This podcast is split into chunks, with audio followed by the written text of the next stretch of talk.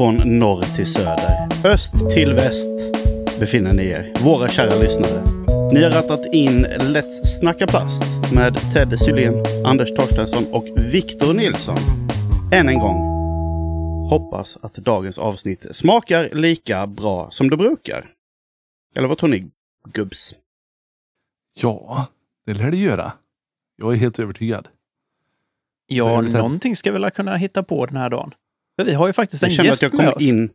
Ursäkta. Ja, Du ser, det börjar direkt bara. Vi är så heta på gröten. Vi har ju faktiskt Madeleine med oss. Det är därför vi är sådär helt fnissiga allihop. Sitter här som ett gäng eh, tonårskillar och bara... "Ah!" Hur är läget Madde? Jo, men det är bra. Om jag får säga Madde, det vill säga. Ja. Det är helt okej. Mm. Madeleine. är det Madde som föredras? Ja, jag svarar på det mesta. Du, öj, ö. Ja, Du, du. Ja, men gött. Nej, men Madde går bra. Fint. Då var klart det. Det var det viktigaste, tänkte jag säga. så. Ja, det... Då var det klart. Hej då. Det var dagens avsnitt. Vi tackar för att du var med. Det är- Ja, men gött. Hur, eh, hur är läget med Viktor idag? Det är bra. Jag eh, har precis slängt i mig lite mat och druckit en monster som den 15-åring man är. Mm. Ehm, och eh, ja, sitter här och klämmer på en Henrik Johansen signaturdisk som en, en annan har designat. Åh, vad trevligt. Mm.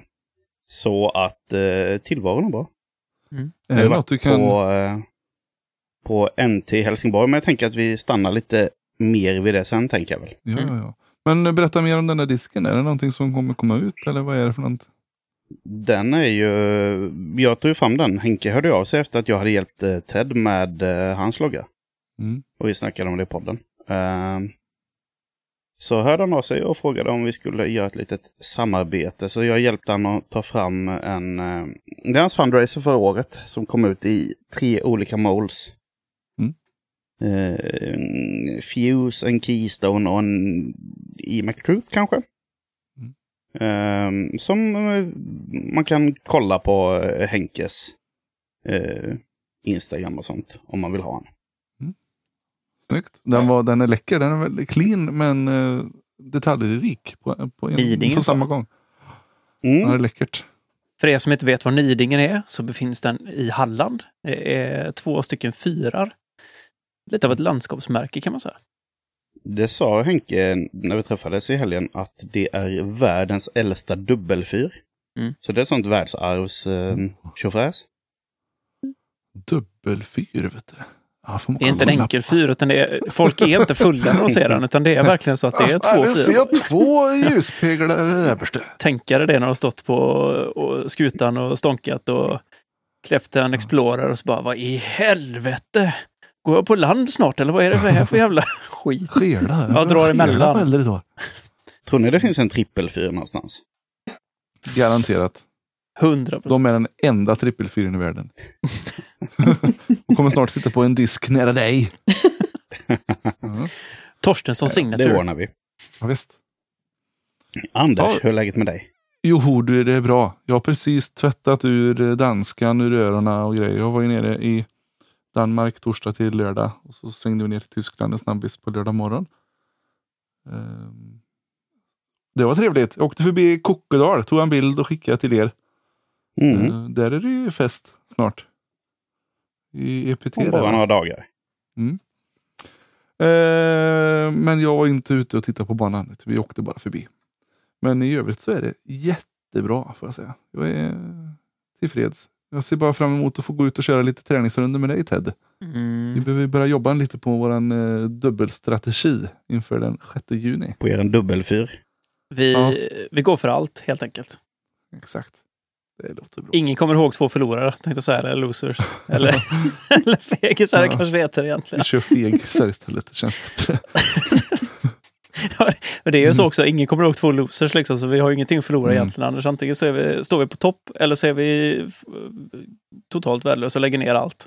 Mm. Ingen har någonsin hört någonting. Men varför stannade podden efter avsnitt eh, s- 70? Nej, Varför blev det, varför, varför blev det en monolog? Viktor sitter där själv och håller låda. Spoken word. Mm. Nej, men det, det är bra. Jag är i väntans tider här nu. Eh, som sagt, jag vill ju ha min fri där snart också. De är Ja, på just. väg upp för, för kvalitetskontroll. Och sen Mm. så, så det bara ramla ut. Så det, De verkar vara i Borlänge nu i alla fall. bra. Snyggt. Så. Hur är det med Teddan då? Jo, men, jo, men fasen det är gött. Det önskar att jag kastade mer discgolf i helgen än vad jag gjorde. Eh, jag och Maja var ute faktiskt och smög lite på baksidan bara, ställde upp korgen. Och eh, det var rätt roligt. Ni vet den här aha-upplevelsen som man kan se hos folk ibland.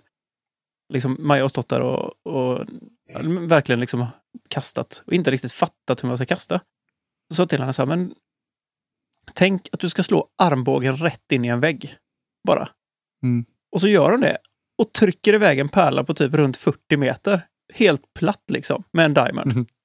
Och du vet, man bara Ja. såg den här lyckan i ögonen så här.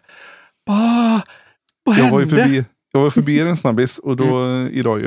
Och Mm. då stod du och pratade telefon så jag växlade några ord med Maja. Mm. Frågade så här, har ni varit ute och spelat någonting eller? Ja, nej men vi har varit på, eh, på allmänningen här bakom och kastat. Mm. 36 meter kastade jag. Mm. Hur stolt som helst. Ja, men hör, det var, Snyggt så. ja, men helt grymt. Alltså jädrar vilket... Eh, det var kul att se. Och just framförallt den här, när man märker... Alltså det är så häftigt att få se vissa grejer. Alltså, hos barn Mm. framför allt. Eh, framförallt hos ett eget barn när man följer utvecklingen och sånt. Men just när man liksom stått här och mässat om någonting och försökt visa och visa. Och när det verkligen bara klickar när man märker det att bara jädra polletten trillar ner. Fy fan vad coolt det är. Man blir sådär, Mm. blir helt glad liksom bara shit vad häftigt. Ja, det är mäktigt. Så nu hoppas vi att jag kan spinna på det där. Har du varit ute och spelat någonting med det? Eh, Ja, för, förra, ja, inte nu till helgen, men helgen innan. Mm. Kastar vi lite ihop. Är det snöfritt nu? Ja, det har det varit länge. Så långt upp i Norrland går jag inte. Fast det är ju snöfritt i Sävar har jag sett på bilder. Så att, Jaha. jag menar, det är till och med Nicke. Han var lite knäckt på mig i- igår. Vi pratade i telefon igår och så sa jag det så här. Men jag är ute och går med, då var jag ute och gick med Harry. Så jag är ute och går i shorts. Han bara, alltså jag orkar inte. Lägg av nu, sa han. Nu får du ge dig. Jag bara, jaha, men vadå, 89, 89, 18 grader varmt och... Nej, 8 sa han. Mm. Och det blåser helskotta. Så att, han var inte riktigt lika, lika nöjd. Det var inte riktigt, var inte riktigt shortsväder i Sävar i alla fall kan man säga. Än. Men det kommer. Ja, ja, vi hade ju poddkollegan eh, Tommy Bäcke nere här. Som även är med i samma team som jag. Eh, han sa det att ja, när jag lämnade hemma så hade vi tre grader. Och så kommer man ner hit och så är det sommarvärme. Mm. Men han åkte ju en avsevärt eh, lång resa också. Jag tänk om du hade gjort samma resa neråt. Då hade det varit 35 grader nere i Algarve eller någonting. Men typ. Precis. Marbella. Mm. Mm, São Paulo. Det gör jag. Sao Paulo. Det gör jag om... Eh, det är bara en tidsfråga. Ja, ja. ja, ja, ja. Får sikta på Mijas typ. Precis. Spela lite i Spanien. Mm, vad mysigt. Ja men gött. Du Madde, jag tänkte vi skulle försöka ta och lära känna dig lite bättre. Vi har ju de här åtta korta frågorna. Mm. Är det någonting du tänker att du skulle vilja hänga på på eller? Jajamän. Då kör vi då. Åtta korta. Det var ett tag sedan. Det var ett tag sedan, men vi har inte haft en gäst på länge. Så att det, det är inte konstigt att inte den har gått. Vi får spela lite så här monolog för oss själva och så köra. Eh, men då börjar vi med vad är fullständigt namn där. Madeleine Körstig. Eh, och nu får man egentligen inte fråga ålder, men det tänker jag göra ändå. Gissa. Nej, skojar. Mm. Sånt är alltid lite roligt. Du är ju du är i alla fall 30. Ja. Säger jag. Så nu lämnar jag vidare till nästa. Alltså... Vågar du? Nej, ja, våga. 36. Långt ifrån eller upp eller ner? Mm, ja, ganska nära. Ganska nära. Då får Viktor pinpointa det här nu. Nu kan det bli jobbigt här. Nu måste du gå till rätt håll. Annars så klickar du bara i luren. här. Eh, eh, 35. Ja, Snyggt. snart. Mm. Snart är jag 35 i november. Oh. Fortfarande Mhm. yngling om man säger på övre raden här. Ja, För er som inte ser, jag vet inte hur det ser ut på era skärm, men min skärm är det i alla fall jag längst upp till vänster och sen är det Anders till höger. Och vi, vi håller ju över 40 i alla fall. Så vi håller ju flaggan högt och Viktor är ju ynglingen i gänget. Spolingen. Spolingen, ja, precis. Eh, då tänkte jag fråga, vad jobbar du med fram tills imorgon i alla fall? Ja, jag jobbar som undersköterska på centraloperation i Falun. Där ja. Bra, bra egenskap måste jag säga. Ändå. Mm. Det är Ja, perfekt att veta nu när vi ska träffas och kanske få en disk i nacken nästa gång. Men eh, Mm. någon som kan hålla koll på en. Ja, Mm. Mm. Lägga om eh, dina liggsår och sådär. Ted. ja. Det är sånt jag kommer börja jobba med nu när jag går över till infektion. Då är det mycket sånt. Mm. Ja, precis. Ja, det är mycket sånt Är det någon- saftigt där. Är någon efterfrågan på infektionsavdelningen nu? Det känns väl som att den har droppat lite i och med pandemin inte är så hype längre. Ja, fast vi har ju mycket andra sjukdomar också. Sepsis och lite sånt där. Inte bara covid. Sepsis, vet du. Det, Mm. det är ju så här nytt begrepp, apropå ingenting, tycker jag. Mhm. Förut var det blodförgiftning väl, Ja. som man sa. Men eh, sen såg jag på en jäkligt bra serie. Vad hette den? Det var en doktor som är, han har autism. Och är typ king. Och eh, då så, Men det är inte House du tänker på eller? nej, nej. Nej. Eh, Den har man inte sett på länge. Men i den serien så snackar de om sepsis hela tiden. Så att nu är jag livrädd för sepsis. Men det känns Mm. som att även om vi säger att covid har, det känns ändå som att det är en hel del fall fortfarande eller? Bara att man pratar liksom inte lika mycket om det. Eller hur? Mm. Ja, jo, så är det väl. Det har väl minskat lite, men det är ju inte alls som det var när det kom. Nej, Mm. framförallt så trillar väl inte folk och pinn lika mycket längre heller som de gjorde precis i början. Nej. Då. Nej. Det- Men Mm. det, det är ändå i rullningen, rullningen fortfarande. Jo, Mm. det lär ju, det känns, jag menar, det märkte vi ju bara nu i, på DDO. Då hade vi ändå liksom fyra fall av covid i, Precis. eh, på tävlingen som fick Mm. avvika. Eh, familj. Jag har en man och vi har tre barn. Mm. Det är jag. Mm. Bra. Eh, vilken var första banan du spelade på? Oj. Lätt fråga, eller hur? Ja, men det, jag tror att det var Åsbo här i Falun. Mm. Tror Vilken var din första disk som du hade? Mm. Ja, i början lånade jag min man. Sen tror jag att han köpte en Diamond till mig. En rosa. Gött. Och vilken var den sista disken du köpte? Eller fick till dig. Ja, det vet ju Ted kanske. Min shoppingrunda. Ja, jag vet ju i alla fall att du plockade med dig någon reko nu sist. Ja, det, Kanske. jag köpte ju nya diskar. Gula. Just det. Mm. Kommer inte ihåg hur många det var. Tio kanske? Ja, det är gött. Jag lyckas ändå hålla fingrarna i styr. Jag var ju där lite längre än vad du var. Så jag, hade ju ändå, Mm. jag plockade på mig en liten hög, men sen så, så, så fick jag så mycket funder, alltså så här, Jag hade så mycket tid på mig att tänka, så bara, "Nej, men de här behöver jag nog inte. Så jag plockade bort lite diskar. Alltså. Ja. Så jag lämnade ändå bara med en disk. Så att det, Mm. det var ju inte lätt att hålla fingrarna i styr, det kan man säga. Mm. Jag avundas din karaktär Ted. Du är, du är Ja. stark. Nej, Mentalt stark. Det var, jag vet inte vad det var. Det var nog bara... Ja, som sagt, jag hade för mycket tid att tänka helt enkelt. Det var nog det som var Ja. problemet. Hade den karaktären inte... Hade jag, hade jag varit där två timmar så hade jag lämnat med halva butiken. 100 procent. Mm. Du, om du skulle nämna två saker som folk inte vet om dig, vad skulle det vara då? Ja. Det känns typ som att folk redan vet vem jag är. Ja, kanske så. Men om, om du tänker två grejer som inte. utanför discgolfen som, folk inte jaha, har som riktigt inte koll på. folk vet om mig. Ja, nej. Ingenting. Varit med i uttagningen i Robinson. Nu vart jag så här. Och hmm, Farmen. Finns det något roligt om mig Och som ingen annan vet? Hotel. Jag är så jävla öppen, jag vet. Så jag talar om allting för alla. Det är gött. Nej, Ja, det behövs inte. Jag kanske Det var en grej som inte alla visste kanske. Ja. Ja. Att Ja. alla redan visste allting. Ja. Fråga mig, jag berättar allt. ja, men det är så. Ja, det är gött det. Öppen bok. Mm. Du, vad tycker du om koriander? Koriander, nej fy.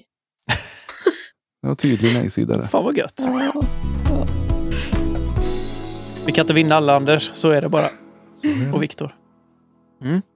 Vad, vad hände? Viktor, du kan väl ta oss igenom helgens Mm. bravader? För du var ju ändå på plats och gjorde Nej. ett sjukt bra jobb i söndags. Precis, jag ville säga det först att vi måste ju nästan slänga en applåd eller någonting. Nej, nej, nej, nej. Du vet vad han ska ha.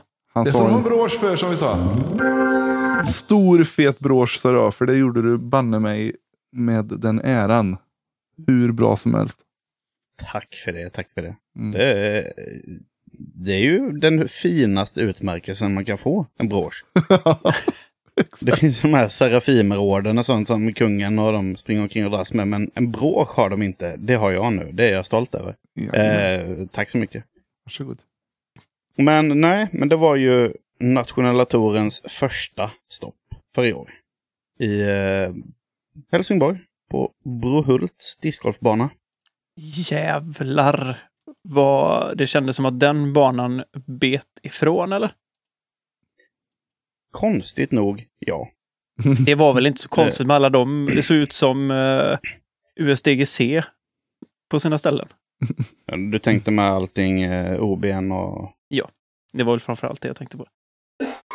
Ja, eh, nej men så, så var det onekligen. Det var ju väldigt mycket, vä- väldigt mycket OB.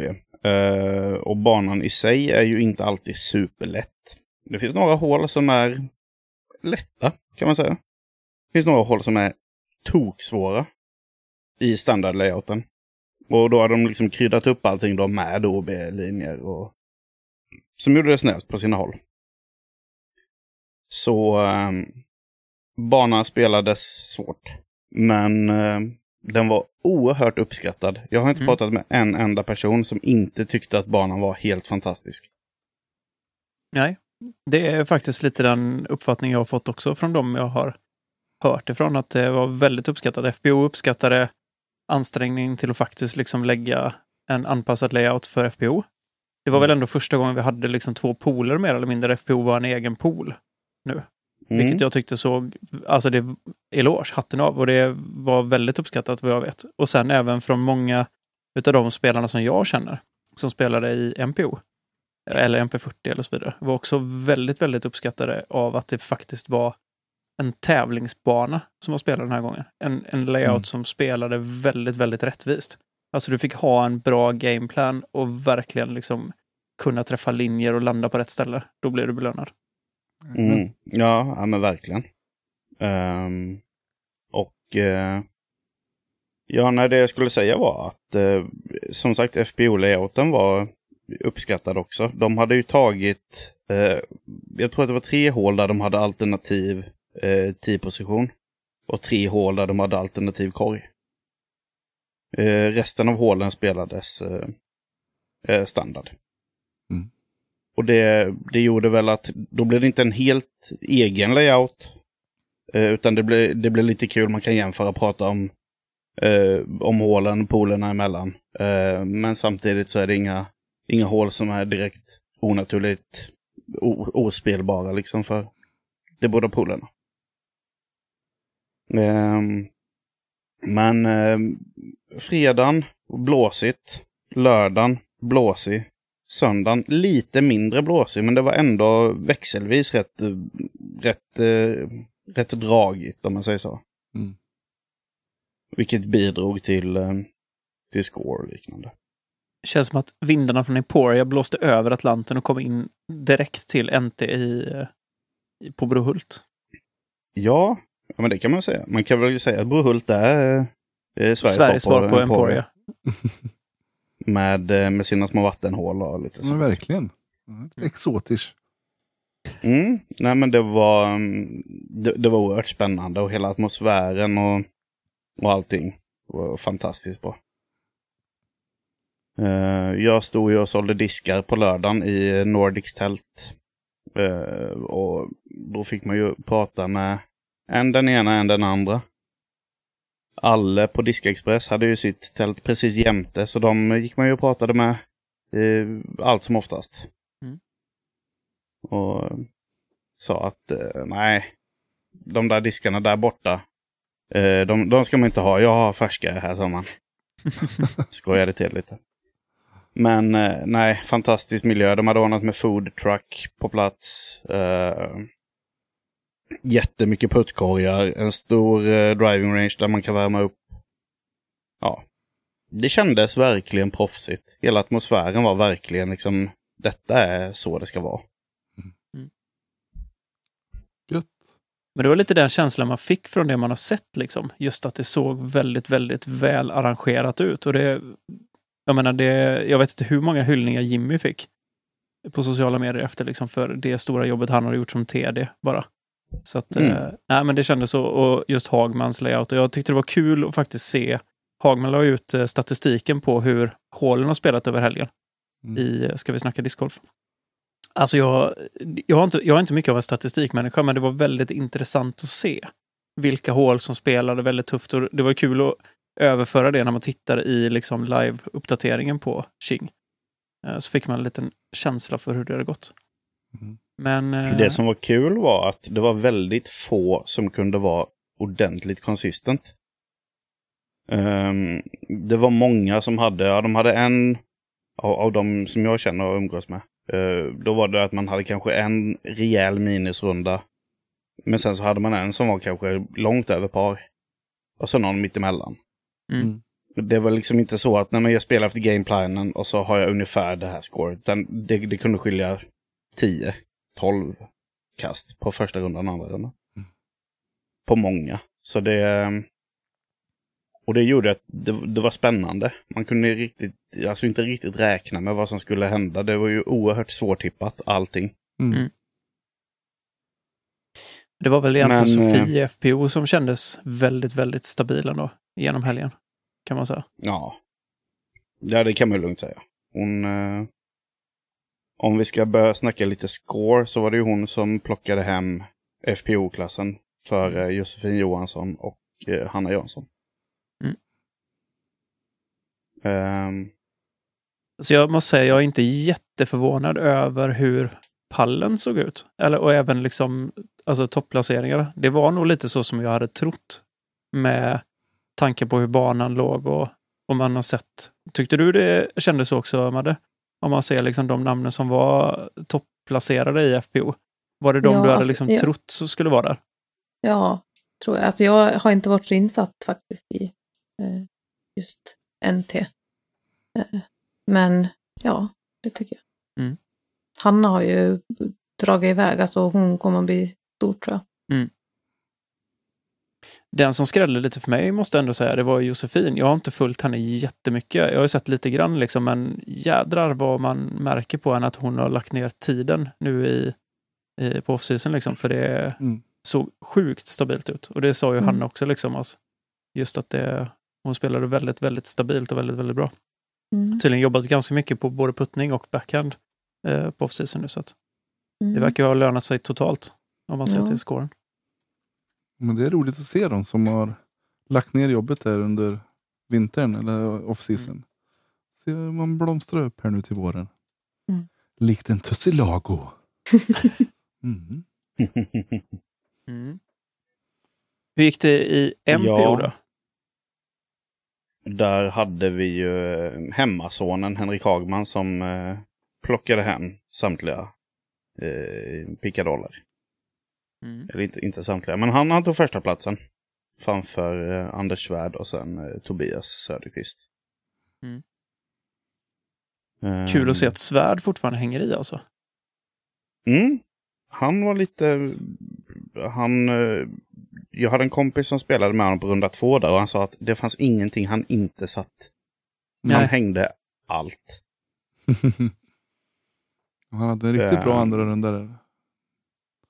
Mm, ja men verkligen. Och det var många hål som verkade passa eh, hans stuk och var lite mer åt Västerviksbanehållet liksom.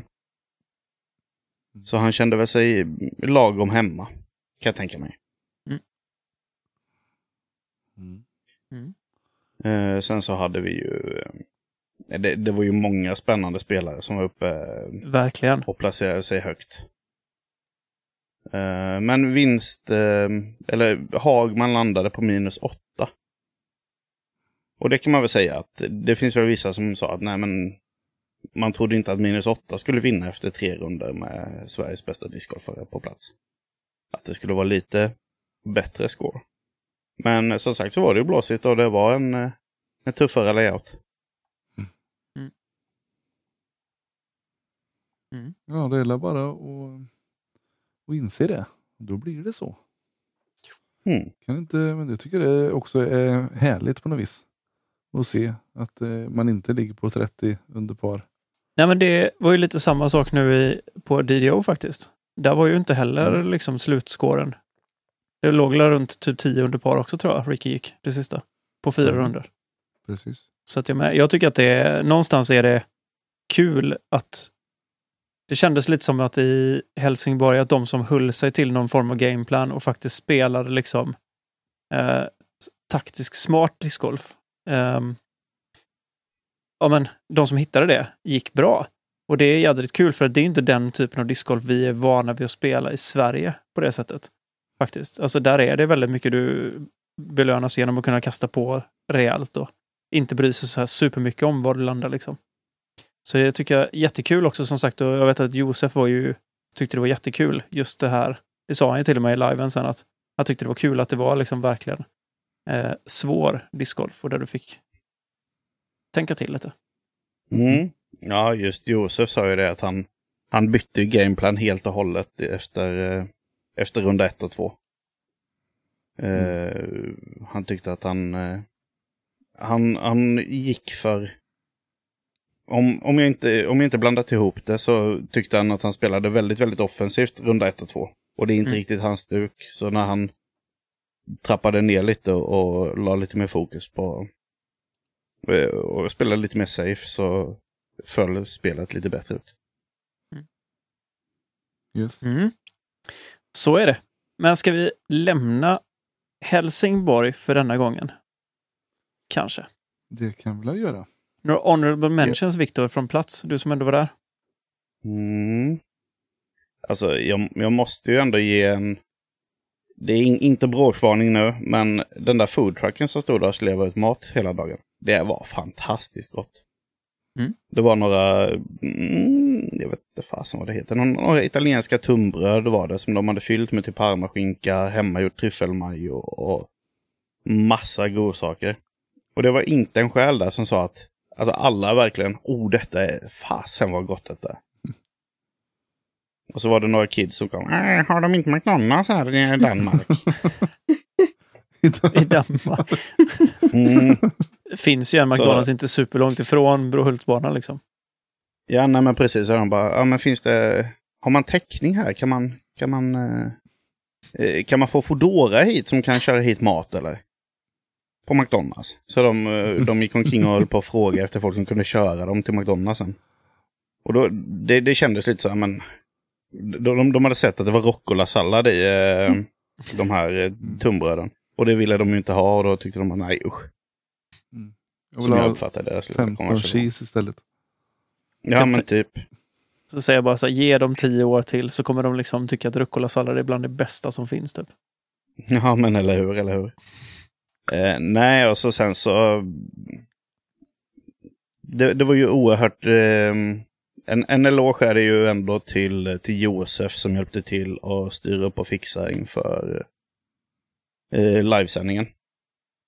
Som bistod med utrustning och, och allt vad det hette. Och vad körde du med Eh. för oss, eh, eller för de som är intresserade? Ja, eh, vi hade ju beställt mm, eh, ett par röda mickar i mygga. Som eh, tanken var att det skulle funka. Och då var det en, en liten mottagare och två stycken mikrofoner som man då kunde ha mm, på sig. Eh, men det interna batteriet i mottagaren hade slutat funka. Så, ehm, eller det funkade inte alls.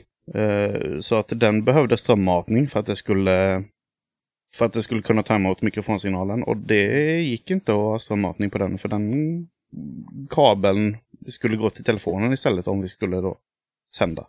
Just det. Så vi fick köra utan mick, men vi hade en, eh, en gimbal som kunde hålla bilden hyfsat eh, stabil i alla fall. Ja, det funkade kanon. Så det... Ja. Det var bara på hål 8 där, om man kollar, så ser man att, att gimbalen dör. Ja, den, den stökade Mhm. lite där, kommer jag ihåg. ja, precis. Ehm, men, men bortsett från det så, så funkar det rätt bra tycker jag. Men det var vanlig Och så hade telefon jag du körde med va? Eh, Ja, Josefs. mm, Han, iPhone 13, Hacon Bacon. Jag vet inte vilken det var. Mm. Men någon eh, ny iPhone-variant. Gött. Ändå rätt kul om man ser på sändningen.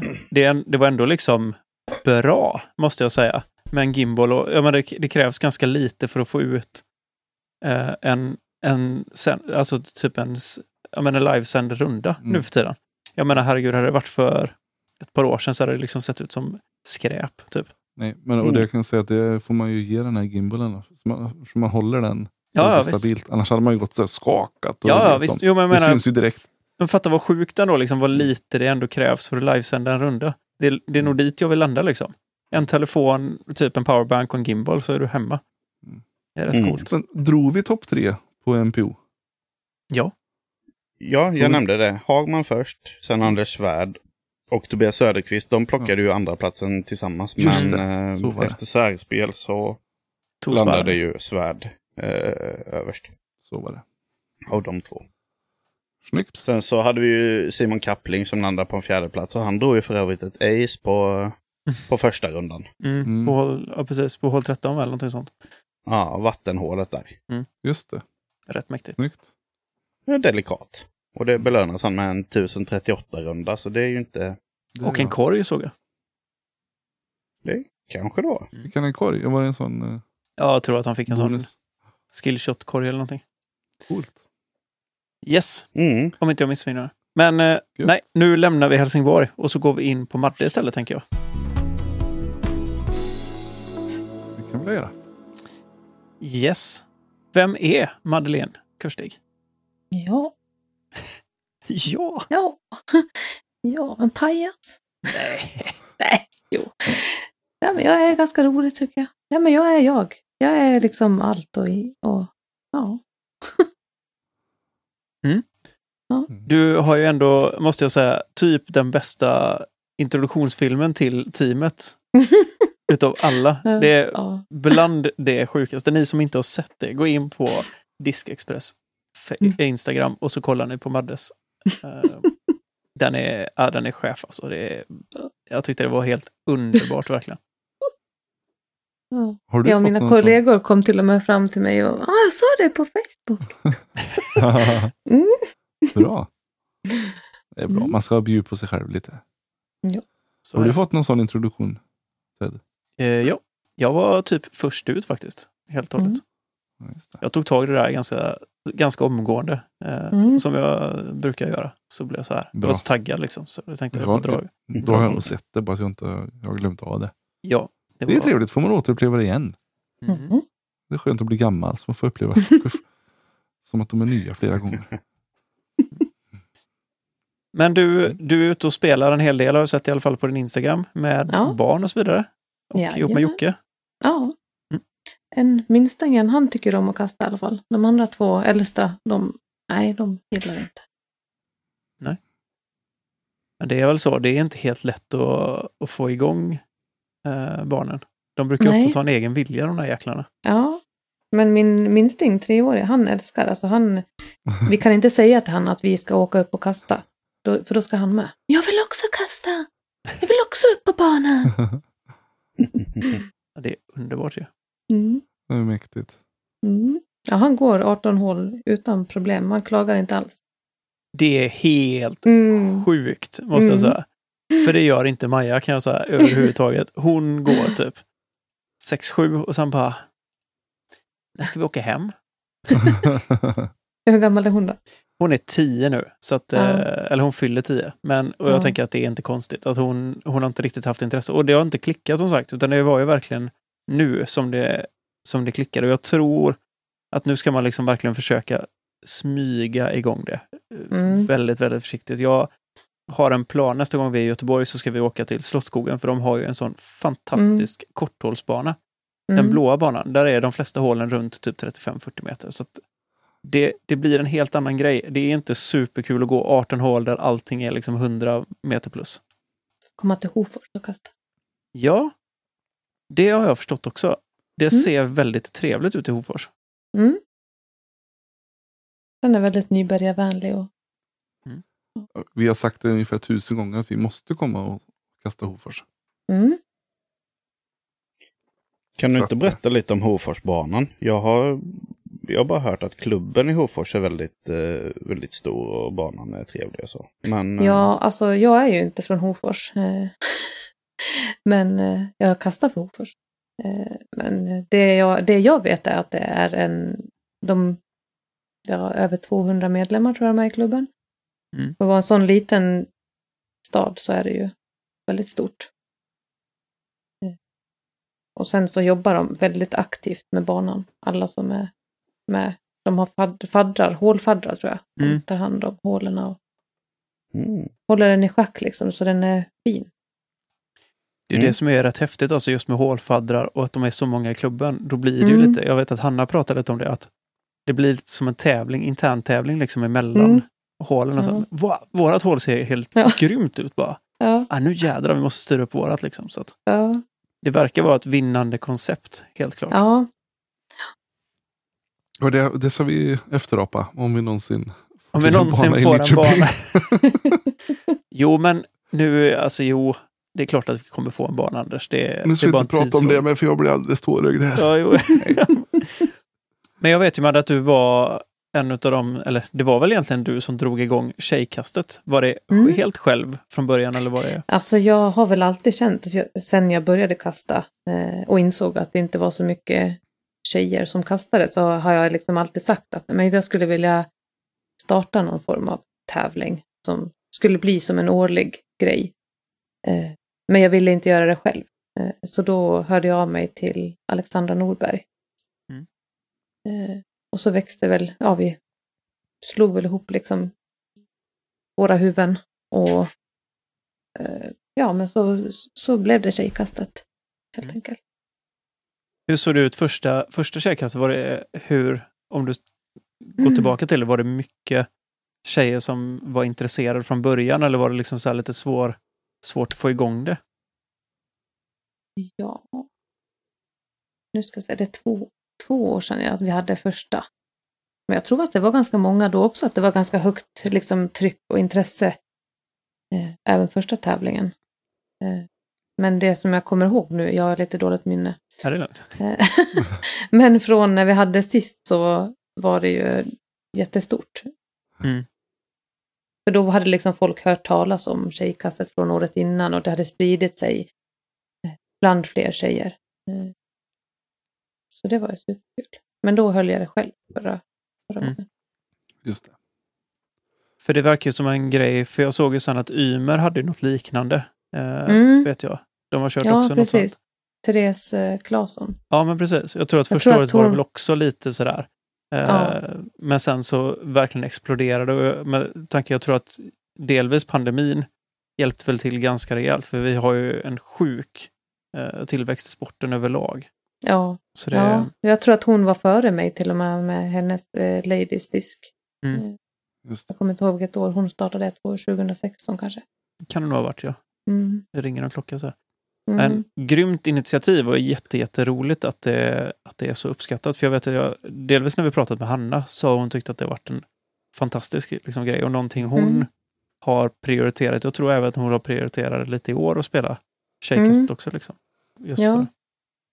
Ja, men det blir, en, alltså, det blir ju en gemensam grej som vi tjejer får ha tillsammans som, som ni alltid har haft när ni har kastat, för ni har alltid varit väldigt många liksom. Mm. Mm.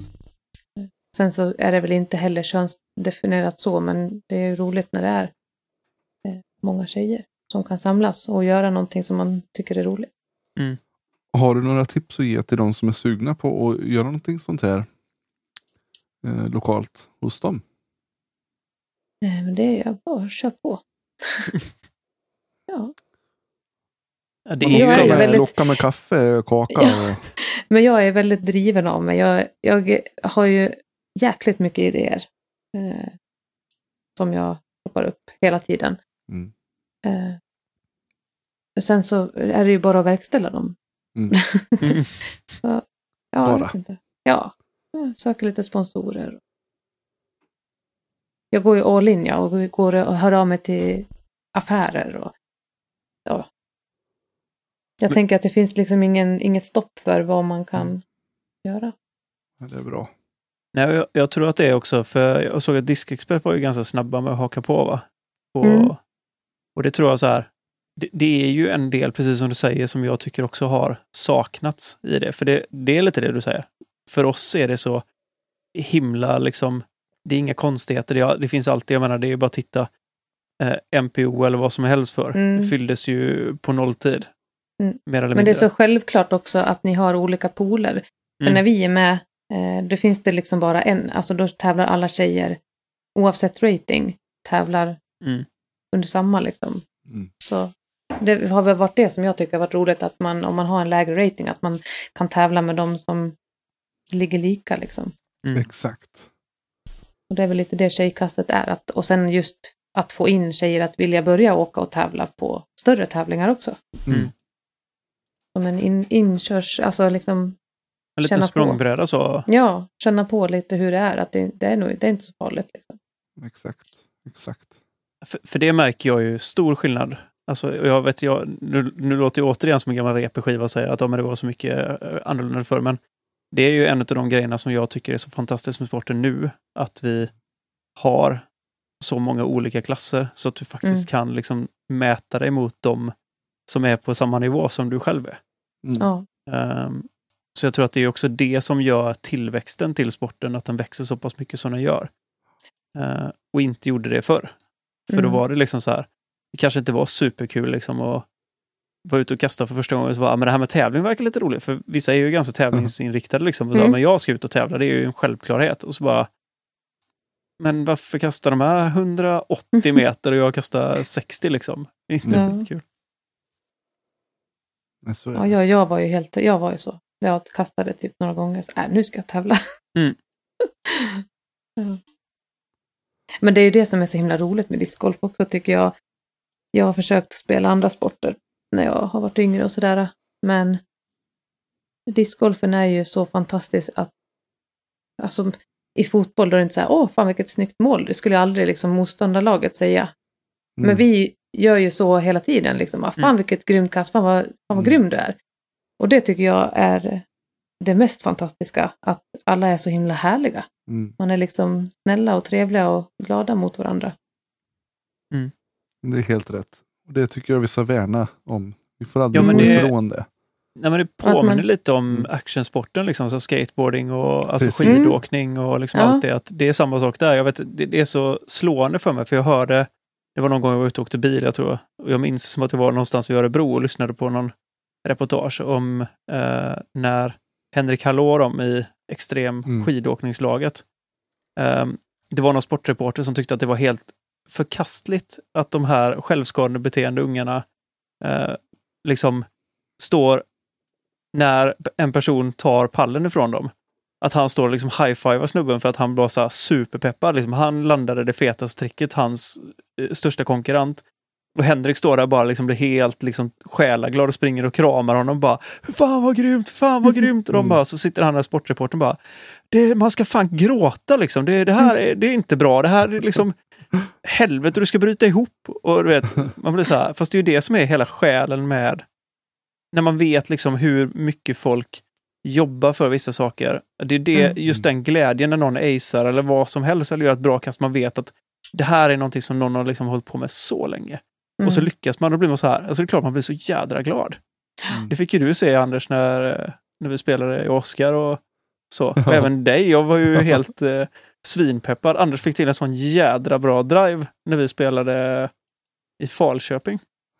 Den här pargolftävlingen. Mm. Mm. Och du tryckte iväg och jag var så här, jädra bra släpp Anders, fan vad gött. Jag blir alldeles Ja. till mig. Ja. Men Det, men det är ju det, man ska kunna glädjas med andra också. Mm. Det, är- precis som du säger, jag tycker att det, det är det mest fantastiska med discgolfen. I det. Mm. Att vi liksom, det är en familj och alla är liksom så välkomnande. Ja, Ja, det, Just det- att man är så på tävling också. Att Mm. det inte, alltså visst, man har ju nerver då och man är, det är liksom lite annorlunda om, än om man kör en, en random runda sådär. Men än att man är ju ändå så på tävling att, ja men gud vilket snyggt kast liksom. Mm. Mm. Mm. Nej, men det är fantastiskt. Det, som sagt, det är en av de bästa grejerna med discgolfen. Mm. Visst är det. Du var ju faktiskt med förra året. Eh, Det var det Mm. första lag-SM för dam Ja, eh, som du var med. Och Mm. lyckades bärga ett guld ihop med Ja. Hofors. ja, det är Hur stort. kändes det? Det kändes eh, ja, overkligt. Jag vet inte. Jag tror inte att någon av oss riktigt fattade vad som hände. Nej. Nej, men det var, det var fantastiskt. Hur, eh, hur var känslan för inför första lag-SM för dam? För det, just det du beskriver med tjejkastet, det var Mm. lite det. Jag var ju uppe och tittade lite. Mm. Och då, jag fick den känslan där också. Det var så här, så jädra skön stämning. Mm. Hela liksom... Det, det kändes ju inte som att det var SM-tävling på liksom en så hög nivå. Alla var liksom där och bara, bara, bara gick Ja. runt och liksom tyckte att allting var så jävla gött. Ja. Det är klart att det var nerver också, det, ja, det minns jag ju, men det var ändå den här känslan. Det här var häftigt. ja.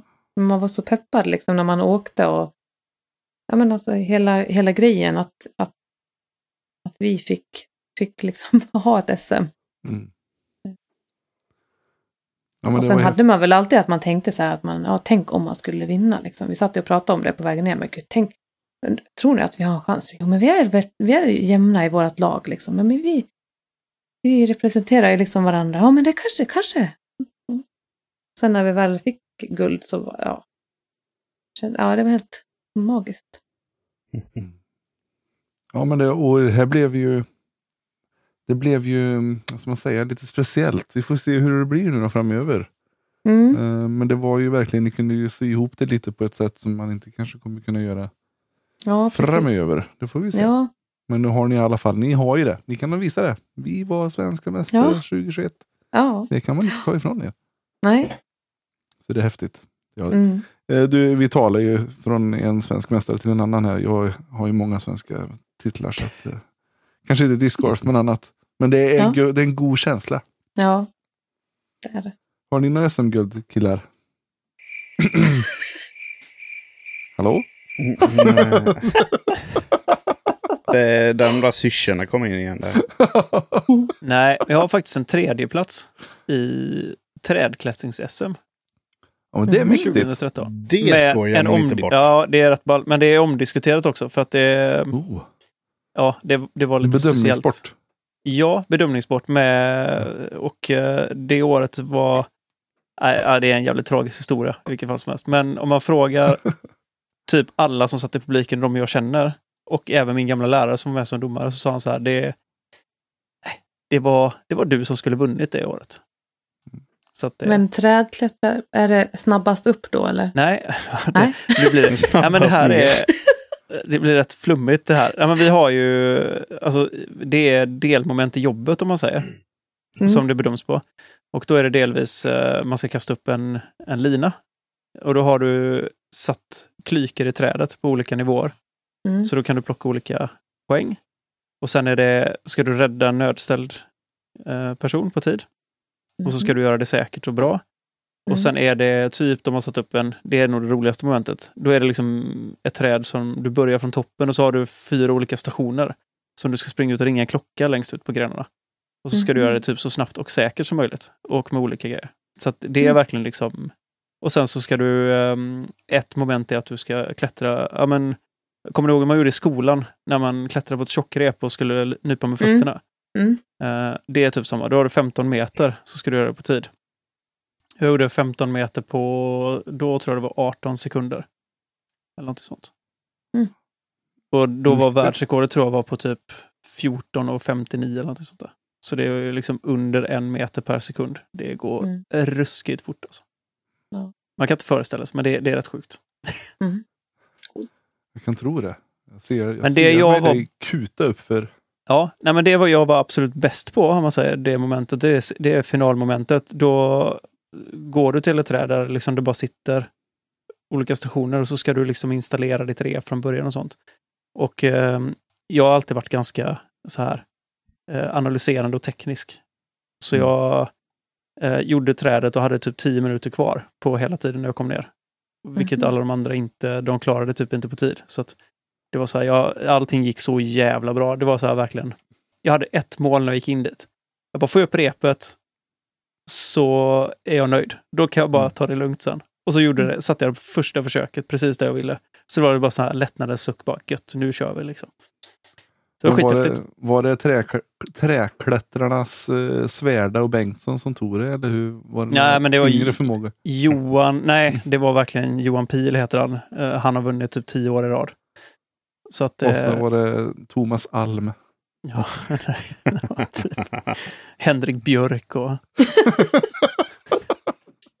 nej då. Nej men, Inte eh, nej, men eh, han har...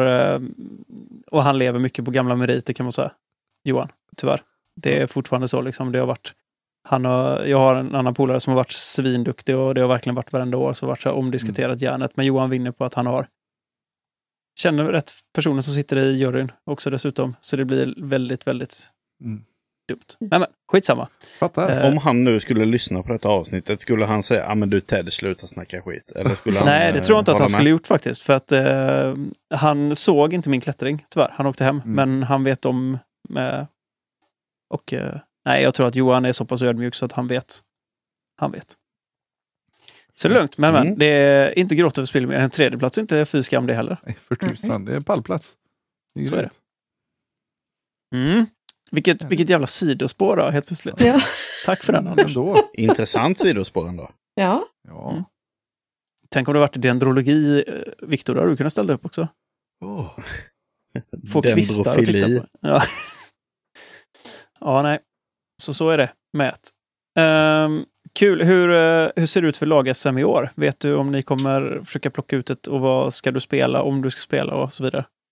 Ja, jag, jag vill ju spela för Hofors. Eh, Mm. De har ju skickat in, jag tror att vi fick...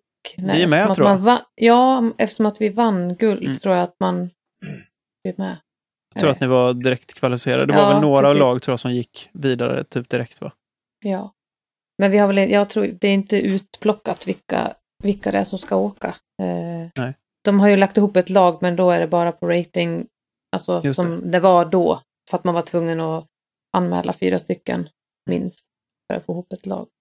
Nu kan jag säga att jag är inte Vilka helt hundra på laget? att det är så, men, men eh, jag tror att det är så att ni är Mm. rätt kollade i alla fall. Ja, Vi, vi drar en Vilka brasklapp. var ni i laget förra året?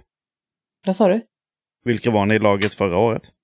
Eh, det var jag, Anneli, eh, Sandra, Hanna och Rut. Och Hanna. Mm. Ja, men det sa inte Hanna. Jo, det kanske gjorde det. var jag som inte hörde. Ja.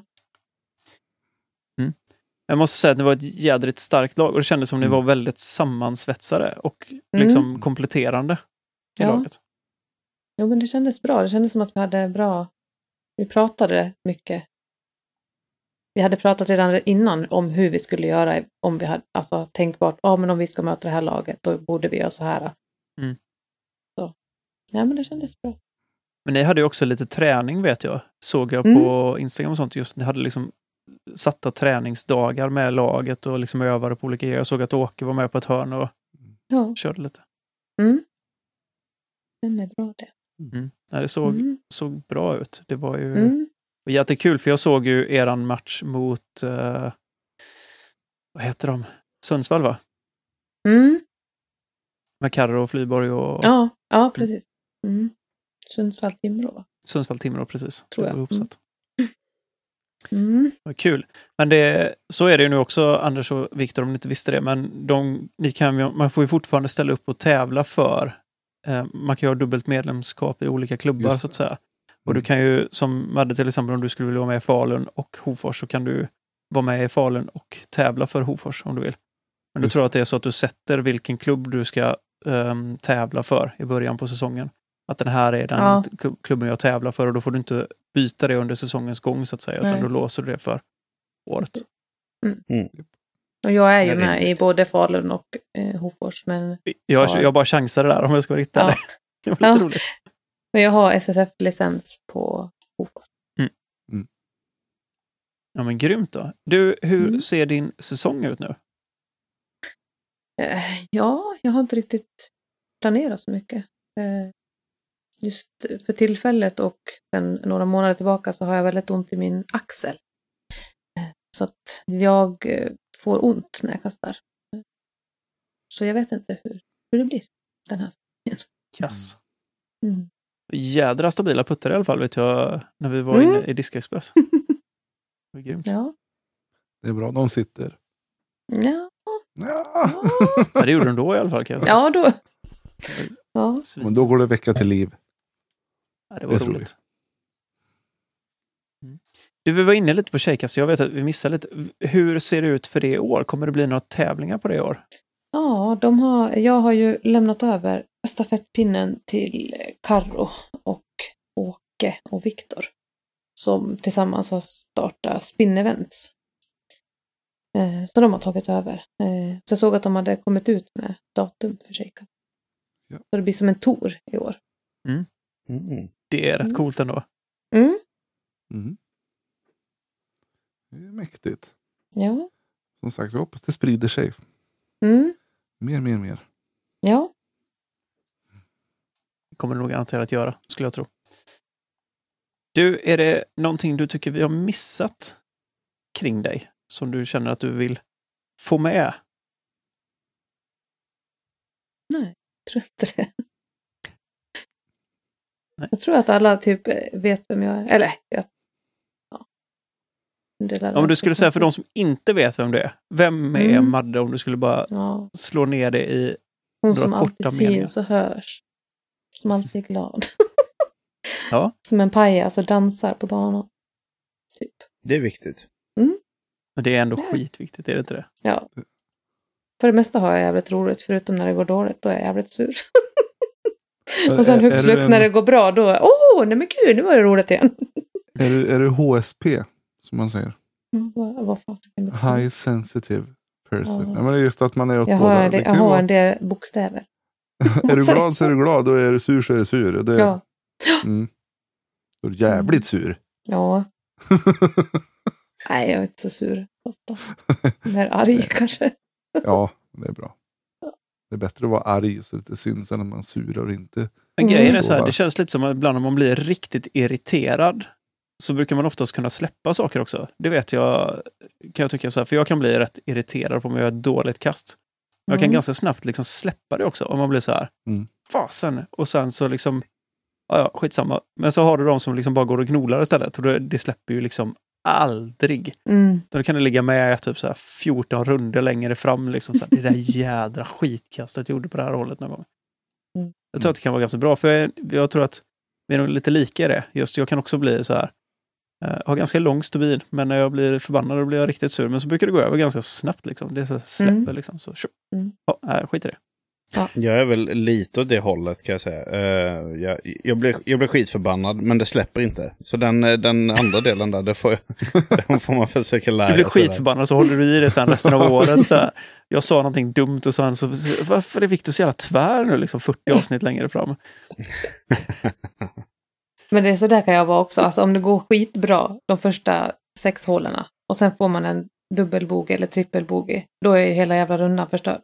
Om jag går ut och bara kastar för skojs. Alltså då är det så här, nej men nu har jag redan, nu, nu, är det, nu är det kört. Nu kommer det inte bli något bra. Men du skulle få Ja, tips. verkligen.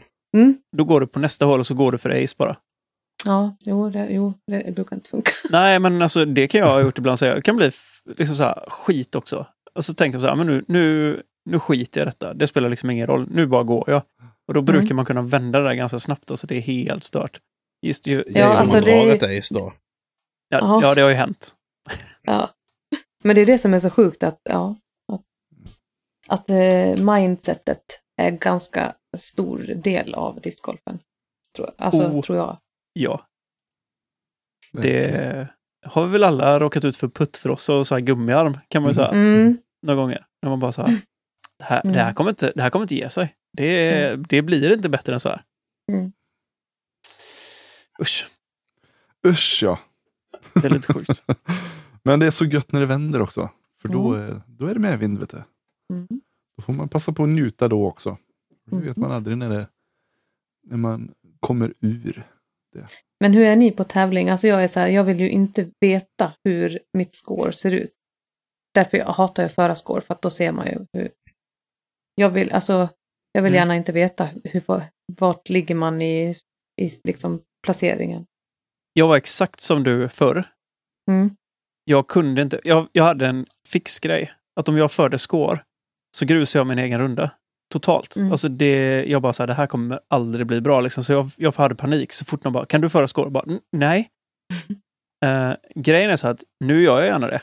Jag gjorde så här Mm. istället att jag började föra score. Ja. Helt och hållet. Bara tog det till mig. Ja, men jag kan ta det. Alltså flera Mm. gånger så här liksom, jag tar det. Mm. Och så skrev jag och så stoppade jag undan. Då hade vi pappersscorekort. Mm. Eh, men då, då skrev jag och så stoppade jag undan i bagen bara så här då. Och det är samma sak Mm. med Ching nu på telefonen. För Mm. scoren så bara stoppar du undan det. Då skiter jag och tittar Ja. liksom och så tänker jag så här, men det spelar liksom ingen roll egentligen. Mm. Och så samma sak så här, vad gjorde jag på förra hålet? Det spelar ingen roll egentligen. Nej. Bara fortsätt Nej. framåt. Men jag tror att det, det, det är nog ett tips jag kan ge alla som tycker att det är jobbigt. Bara ta tag och för score istället. Och så känns det här liksom Mm. att, för då blir det inte det här. För jag tror att man sätter onödig press på sig själv. Att Mm. jädrar, bara jag inte får föra score nu, bara jag inte får föra score nu. Mm. Och då går man runt och oroar sig som fasen för det. Och så säger någon så här, för man kan ju inte heller säga nej om någon bara, kan inte du föra score? Bara, Ja. Mm. Men att bara göra det istället, för då blir det liksom så här, man, man vänjer sig och så bara så här, och då kan man också släppa det liksom bara, för att jag behöver inte heller se hur jag ligger. Jag har gjort det några gånger nu och det har också funkat. Så här, om Mm. jag vet att jag spelar bra, det gjorde jag i, jag tror det var Lundsbrunn, en av de veckotävlingarna vi spelade. Eh, och då var det så här bara, hur ligger jag in mot de andra? Är det så Mm. att jag leder? För jag visste att jag spelade ganska bra. Eller så här väldigt, väldigt stabilt. Och så tittade jag bara så här, ja men jag, jag leder. Ja men gött, Mm. nu kör jag bara. Då, Ja. då liksom vände jag och så blev jag peppad istället bara, men nu ska jag inte göra bort mig. Och, så, och då gjorde jag liksom typ tre birdies på raken efter Mm. det. Och så tänkte jag, nu cementerar jag detta. Och det var rätt skönt personligen för mig själv, för jag har haft ganska svårt för det här innan.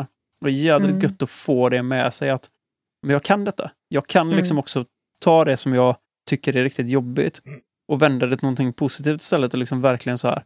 Sen kan jag inte säga, hade jag spelat dåligt, då hade jag nog liksom tyckt att det var skitjobbigt. Men det var ändå skönt att bara veta att det går att liksom plocka upp det. Mm. För det spelar ju ingen roll egentligen. Vi spelar Nej. discgolf för att vi tycker att det är kul. Ja.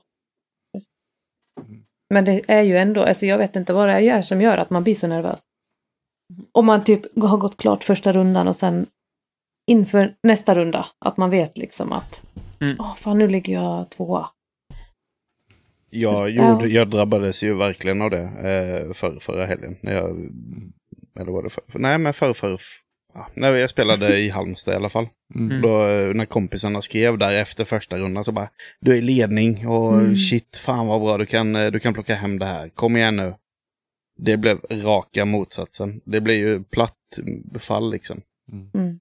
Så i tävlingen därefter när vi var uppe i Falkenberg nu för ett tag sedan. Så kollade jag inte på scoren en enda gång under hela dagen. Jag har faktiskt fortfarande inte ens tittat på vad jag landade i, eh, på, i, i klassen. Då ska du få veta det nu. Nej jag skojar. Ja, precis. Har jag plockat fram här så. Nej, nej, men det, det, det, det var väl mest för att försöka se om, om det kunde hjälpa det som jag drabbades av i Halmstad. Sen så är man, man är ju inte rädd för att se var man landar någonstans. Det är ju spännande så här i efterhand, men det har väl bara inte blivit av liksom. Spelar inte så stor roll egentligen heller. Men jag, jag tror just det så här att försöka, ändå om man ska försöka vara psykolog mot sig själv. Just de saker man tycker man har svårt för.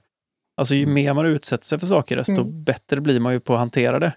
Ja. Ehm, det har jag jobbat med svinmycket uh, och det har jag fått ta i verkligen nu. Jag har ju extrem, alltså jag har haft jättesvårt för sprutor och nålar och grejer. Och ta liksom blodprov och, och så. här. Och, och så när vi har vår dotter nu, då kan man ju inte heller liksom så här, ja men shit, ja men jag, jag bara, nej, jag, jag gör inte detta för då, jag bara går härifrån. För det har ju varit gånger när jag har gjort det. Mm. Liksom verkligen rest mig upp och bara, nej, det här kan ni fan fetglömma liksom.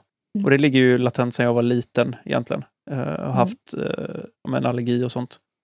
Och typ folk höll fast mig och sådana saker. Så att det har ju suttit i. Men det är också bara så här, man får bara liksom så här, ja men skitsamma, det här, det är ju inte så farligt.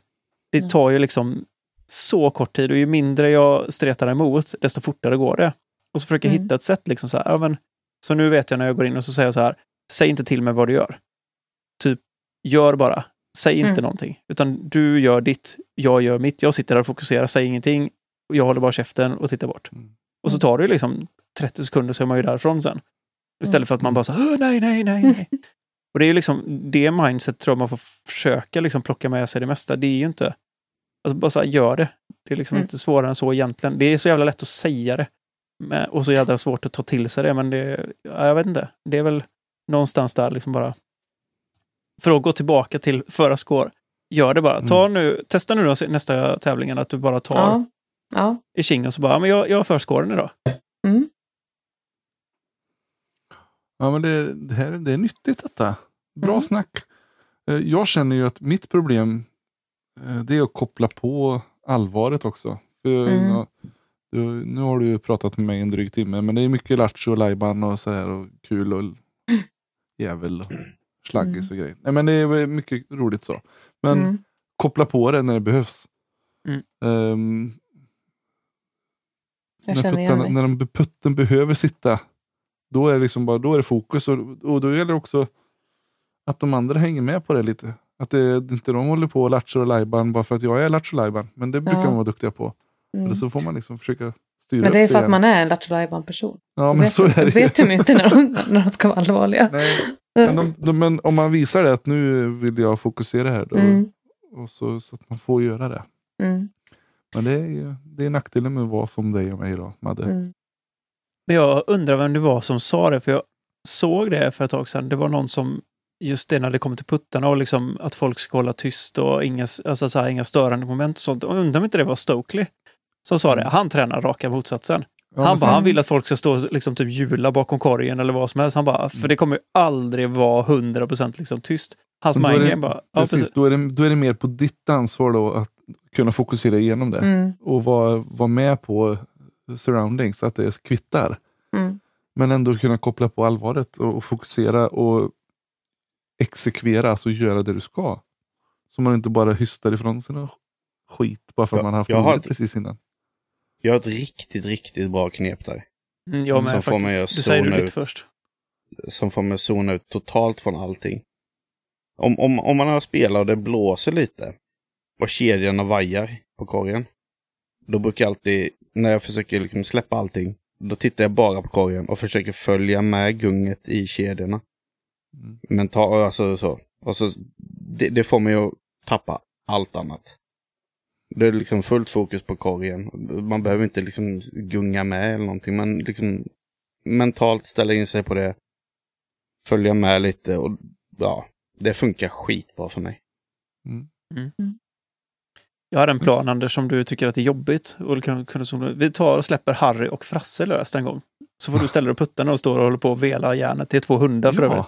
Det kan vara liksom världens hundslagsmål framför korgen när Anders ska försöka stå där och putta. Lyckas du fokusera igenom det, Anders, då kan du ta med det till nästa tävling. Så här, Jävlar, nu är Frasse och Harry helt tokiga här. Skit i det. Jag löser det. Ja, nej men, och sen är det också det här att eh, det är puttarna, alltså det handlar ju om att eh, gå tillbaka till det du kan. Mm. Jag, jag, vi kan ju det här. Mm. Mm. Det handlar om liksom att göra det du ska. Och inte frångå och fippla och dona med annat och putta annorlunda. Och gör det du ska. Mm. Så det sjukaste är, Mm. jag fokuserar knappt på, jag tittar på korgen, jag fokuserar inte på någon speciell länk eller någonting. Mm. Det jag brukar fokusera på nu, och det här har ju kommit sen, eh, jag ska inte säga sen men det har ju också förstärkt detta, hela min tes. Men just det jag fokuserar på är hur min rörelse är. Var jag släpper disken. Det känns så jädra Mm. sjukt att säga det. Men jag har ju liksom en releasepunkt som jag siktar på. Hellre att jag tittar på den än att jag tittar på korgen. Då vet jag exakt. Ja, men här ska jag släppa disken. Och så släpper Mm. jag disken där. Och så vet jag att jajamän, den är i. Typ. Och det är ju verkligen helt sjukt vad den känslan är. Hashtag sensblend. Nej, men det har inte bara med Sensplan att göra, utan det har ju också, för jag, jag såg, det här är så sjukt, jag såg när jag började, eh, för jag spinputtade ju väldigt mycket förr, det har jag pratat om innan också. Men så Mm. började jag pushputta och då tittade jag på typ så här, ja men climb och, och sånt. Och det som slog mig, det var när climb stod på 15 meter och blundade. Och gjorde en Mm. rörelse. Och så stänkte typ fem stycken på raken. Mm. Tittar inte ens på korgen utan tittar typ på publiken. Han bara fokuserar på sin egen rörelse, var han ska släppa disken och så sätter han liksom fem av fem. Man bara så här, men är du liksom, vad är det för jävla trollkarl liksom? Mm. Men då är det det, han säger så här, du fokuserar bara på rörelsen. Du, du känner liksom i muskelminnet när du ska släppa disken. Och så tittar jag på Ricky Wysocki så här, hur, för han är ändå ganska hyfsad puttare liksom. Hur kan han typ eh, pushputta så bra? Ja, då sa han det så här, nej men jag har, han visualiserar framför sig två stycken ja, men så här limbo-stavar Mm. liksom. Ja men typ jag ska gräva under den första och så ska jag kasta över den som är framför och då, då har de ett mellanrum med liksom typ en meter knappt. Det är liksom hans Precis. rörelse, hur han ska göra. Så han ska gå under och upp och över. Då får han sin Oj. perfekta loft liksom. Ja, det är mäktigt. Det är sjukt. Och han, så här, han tittar ju inte heller på någonting. Utan han, måste, och han, jag menar, han häver ju en del puttar kan man säga. Låter typ som min treåring. Exakt. Men det är Han- så sjukt han- för de är Han ju... har inget, han bara kastar, åh den kom in i korgen, åh den kom in i korgen. Ja, och alltså det som man kan ta med sig utav det, det är att de tänker ju inte. Nej. De De gör bara bara. Mm. Det finns liksom ingen jävla huvud som sitter i vägen där. Men nu tänker jag lite mycket, nu, det här kommer inte gå. Mm. Nej, jag kommer aldrig sätta den här putten. Ja, men bra, lycka till med att sätta den putten. När du tänker så här, den här kommer aldrig gå i. Nej, Nej då. Du kan lika väl ställa Ja. ner väskan och gå till nästa år. Ja. ja, mindset är A och O. Mm. Han var gött. Mm. Du, Viktor. Jag tänkte vi skulle gå in på lite lyssnarfrågor. Det är helt ofrånkomligt att inte öppna detta med din gamla klassiska fråga som har varit frånvarande hur länge som helst. Mm. Jag, jag tänker att det är lika bra att jag får dra av den här så att ingen Själv. annan lyssnare har smitit emellan och tagit den där. Nej. Men jag, jag har ju min fråga som jag har ställt sedan innan poddkonceptet fanns. Sedan dinosaurierna vandrade på vår planet mer eller mindre. Och den lyder, Madde, vilken är den bästa disken du inte baggar? Och den sämsta disken som du baggar? Oj. Mhm. En bra disk som jag inte har i väskan. Mm. Mm. Av någon outgrundlig anledning så har du inte valt att bagga den. Nej, men varför skulle jag? För att den För är, det har, alla har en disk som ligger på hyllan någonstans som man tänker så här, den här Mm. jädra, fan vad god den här är. Men den är inte i vägen för den gör inte allt det jag vill. Men den är så jädra bra. Eller så är man rädd om disken eller, eller så det är det någonting extra fint händer. exemplar som du inte vill kasta bort. Nej. Vänd på det då. Vilken är den sämsta disken som du baggar?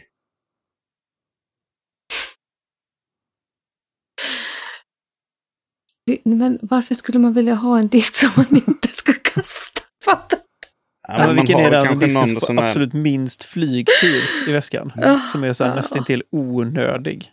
Så vad fan Ja. har jag den här för egentligen? Nu måste jag måste tänka vad jag har ens har i min väska. Den är ju alldeles ny.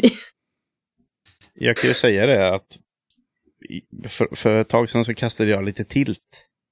Ja, Och det är en Den- sån disk som Ja. jag inte kan förstå varför folk har i bagen. nej. Håller jag med. Så om du sitter på någon sån, om du har någon onödig Nej. utility-disk som du använder ett kast av 4000 kanske. Jag behöver gå ut och hämta min väska. Men så jag vet ju knappt vad jag kastar för diskar nu för tiden. Har du någon sån här ruggigt överstabil rackare som du bara har sånt get out of jail disk liksom. Den här disken tar jag bara fram. Jag ligger så mycket i skiten. Så att det finns liksom ingen annan som gör precis det här. Det är typ min diamond tror jag. Du ser. Där har är vi den. Är den även den bästa disken du har i bagen kanske? Nej. nej, det är inte. Mm. Mm. Men jo, nu, eller ja, nej, nej, nu, nej, det var inget. Det var inte min bästa disk. Nej. Men en bra disk. Nej. Det, var ju det, det är det som är det krångliga med frågan. Ja. Fan vad Mm. krångligt. Fan, Jag, jag, har, jag har inga sådana diskar. Pass. Då kör vi Mm. vidare med Wilhelm Ekman. Den här är lättare. Mm. Favodisk. Ja, det är ju lättare. Jag köpte ju precis en som blev min favorit på en gång. Falk. Så bara. Mm. Mm. Hoppa med Vil, falk. vilken, Mm. eh, vilken variant blir det? Eh, en gul. En vanlig K1 eller? Ja. Ja, fantastisk disk. Ja. Love it. ja. Jag måste köpa fler sådana. Mm. Tycker jag. du. Du, Jens Wiklund Eh, Mm. Eller Salve diskar. Han har ju två Instagram. Jag tror han kanske tog fel här när han skrev in Mhm. en fråga till oss. Eh, Han undrar hur får man ihop discgolf med yngre barn? Har du några tips? Ja, alltså nackdelen har ju blivit att han kastar ju allt. Men ja, Tallrikar. Ja men, ja, men alltså ja, i princip. Alltså han har ju kastat sönder två glas här hemma. Tänker man sig, varför får han inte ha plastglas? Nej. men alltså han kastar ju allt för att han har ju blivit uppvuxen med att eh, Mm. från att han, föd, han fick ju en mini när han föddes. Eh, Han har ju alltid varit med oss. Men de äldre barnen, de vill ju inte vara med. 11 och 15-åringar. De hatar det. Eh, Så jag Han tänker gör att jag, ett jag tvingar dem inte. Och kastar glaset rätt in i diskmaskinen. Ja. ja. Och apropå det så vet jag såg någon film när KJ Naibo stod och det var någon sån här dansk re, eh, typ reality-tv eller sådär program där de skulle gissa hur många tallrikar han kunde kasta in i en diskmaskin. Det är typ det sjukaste jag sett. Men stod han typ så här 10 meter ifrån diskmaskinen och skulle han kasta liksom disk, äh, tallrikarna. Men det gjorde han rätt bra va? Ja, han, nej, det var inte så bra som man skulle kunna tro. Han sa att de hade en jädrigt konstig flykt som han inte alls var van vid. Mm. Men eh, du kan ju säga så, så här, dina äldre barn, du får väl visa dem Paul Macbeth, hans kontrakt att han, kolla här, man kan Ja. faktiskt göra lite cash på denna sporten och få en McLaren. Mm. Ja, visst. Min Mm. son han gamear ju istället han. Mm. Just det. kan man också bli miljonär på. Precis. Mhm, mhm. Men det är inte lika kul som discgolf. Nej. Nej. Victor skickade för övrigt, apropå Pauls McLaren, så vet jag att du skickade till oss eh, från, vad var det? Det var något tweet som låg ute, någon sån fake grej att Paul, i och med att han missade katten på DDO, så skulle han sälja sin McLaren. han behövde ha in pengar. Men det, var Ja, inte massa- det han själv som la ut den ironisk? Nej, det var det inte. Eller Det- gjorde det han det bara som- som ett det- skämt så hade det varit det roligaste jag läst. Det var något sånt meme-konto på Okej. Instagram. Så jag hade skrivit att han startade en sån GoFundMe eh, också. Ja. Tight, tight med degen nu. Eh, vidare har vi ju då Diskexpress som eh, skrev in och frågade Har puttarna blivit bättre med den nya gula rekon? ja. Det har de. Fasen. Just den, den som var i introvideon. Ja. Jag har en uppföljningsfråga på den här. Nu kommer jag Mm. på nu. Fick du någonsin in korgen genom dörren? Ja. Ja. Gött. För det såg fasen ut som att det trilskades lite kan man säga. Jag fick sparka till den lite med foten. Oh, vad gött. Men för, för jag som inte har sett den här introvideon eller har så Va? mycket bara koll på den Nej, här jag gula, den här gula rekon. Vad, vad är det som är speciellt med den och vad puttade du med innan du fick den gula rekon? Ja, putta med då. Någon, eh, la, nej men gud vad heter de då? Sådana som Hanna brukar kasta. Det vet ni. Nej, Ja. vet, jag vet inte ens vad de heter. De har en svart rim. Ja, det är ju MVP jag tror hon Mm. Ja, någonting. precis. puttar med. precis. Men precis. vad är det? Oj, jag kan ju fasen inte. Envy. Eller entropy kanske? Nomad har vi också ju. Nomad. Ja, jag kan Sånt bara här vet jag, jag kastar bara. Det är det här som är så roligt med mig. Att jag tycker att det är skitroligt att kasta, men jag har ingen aning. Alla bara, åh nu blåser det så här. Vad ska jag ta för disk då? Jag vet, sånt kan inte jag. Jag bara kastar. Mm. Fan vad gött. Ja, M- Måste vara lätt Mm. att köpa disken då. Ja Den det här är det. var Man bara, den här, nice. var, den här var snygg. Jävlar, den tar vi. Är den överstabil? Mm, det vet man aldrig. Det måste ändå vara magiskt att gå ut på 10 och så bara, jag tar den här för jag får feeling för den och så bara, jädrar den flög inte alls som jag hade tänkt mig att den skulle göra. Ja. ja. Det är det som är lite charmen.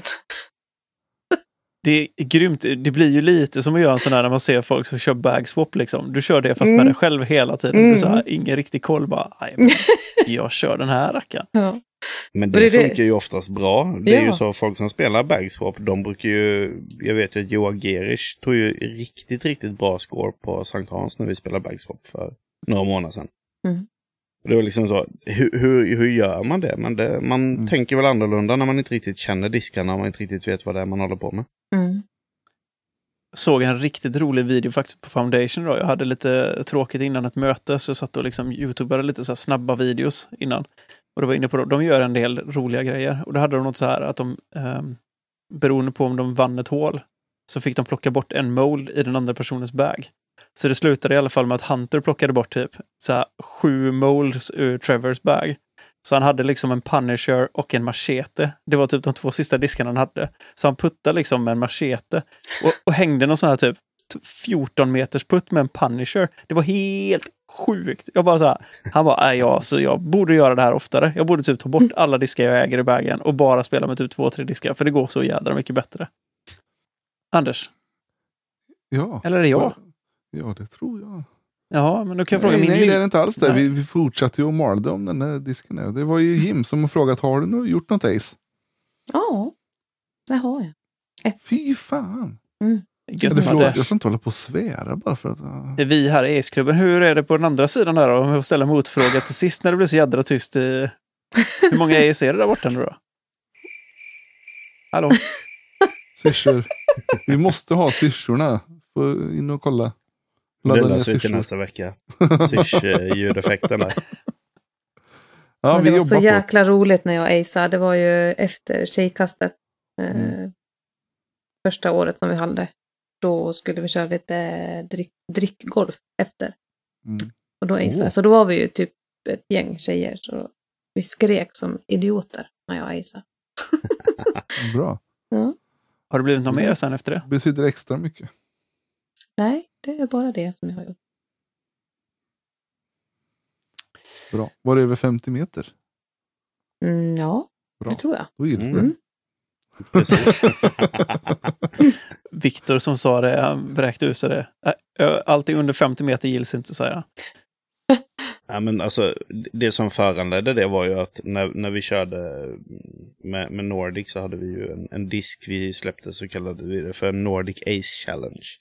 Mm. Och då sa vi att eh, man ska filma och skicka in det som har chans att vinna någon first round disk. Eller jag kommer inte ihåg vad, det var. Och då sa vi att det måste, hålet måste vara över 50 meter. Och sen Mm. där sitter det ju i liksom att nej men ett ace är ju inte en cirkel 2 putt. Utan det är ju lite distans i alla fall. Mm. Det var ändå skönt att få lite kontext till varför det var du sa så, för jag tyckte det lät lite så här, Mm. ja, principfast ung man, 50 meter är liksom ändå 50 Det meter. har jag läst. Ja men det, det, det, det, är ju inte, det är ju inte orimligt att man ändå har en liten sån. Nej, Visst, visst är det så. Nej, jag, Anna- jag håller med dig. Alltså, det är klart att man räknar korthåls-ace också, men det, det är ju liksom tävlings-ace och typ lite längre ace är ju ändå, Mm. det klingar ju lite hårdare kan man säga. Jag tror ett av mina finaste ace har Anders bevittnat faktiskt. Ja, det var magiskt. Hål 15 i Lundsbrunn, det var ändå över, det var över 100, vad är det, 110, 100, 16. 119 meter. Det är ändå Var sådär. det 16 är det ju. 116, Över dammen. förlåt, jag la Mm. till lite där. Jag kryddade lite. Det kommer bara bli längre och längre. Alltså, snart är det så här, det var 145 meter, helt sjukt bara. Men det är också ett av mina bästa parkjobs också. Mm. När det var en två meter från korg på det. Det är jag rätt nöjd med. Mm. Det har inte hänt sedan dess. Nej. Men Men, det, det var ju eh, det vi kom fram till att ett ace är ju dåligt kast. Den går ju för Precis. lång i alla lägen. Ja, så alltså, den jag och hade Anders, blivit- vi, vi lägger ju upp istället. Den hade blivit riktigt lång om inte den hade träffat, för den var verkligen... Det, det small rätt fint ändå. Anders bara, den går i! Ja, men Men- det, är så, det är så coolt när man liksom ser att det börjar tracka liksom. Mm. Och där hade man ju tid på sig att titta en stund också. Det är också Ja. det som är grejen när det blir sådana långa, alltså just över 100 meter. Man har ju tid att se disken flyga och man bara så här, jädrar, den här är... Mm. Jag, jag kände så här när jag släppte den, det här känns ganska, ja men det känns som ett bra kast liksom. Och så Mm. bara, den, den har nog chans, till Anders där. Pang! Mm. Det är grymt. Ja, det var magiskt. Det var kul. Du, Sofia undrar här. Dina tre viktigaste diskar i bagen? Några som du absolut inte skulle kunna klara dig utan. Vad skulle det vara? Ja, det är nog min nya Falk. Sen har jag en Trasher. Mm. Den, ja. Eh, Och Svea. jädra bra diskar ändå. Trasher är nog den enda jag Mm. har ta- testat, men eh, nej. Du är på samma Mm. team här.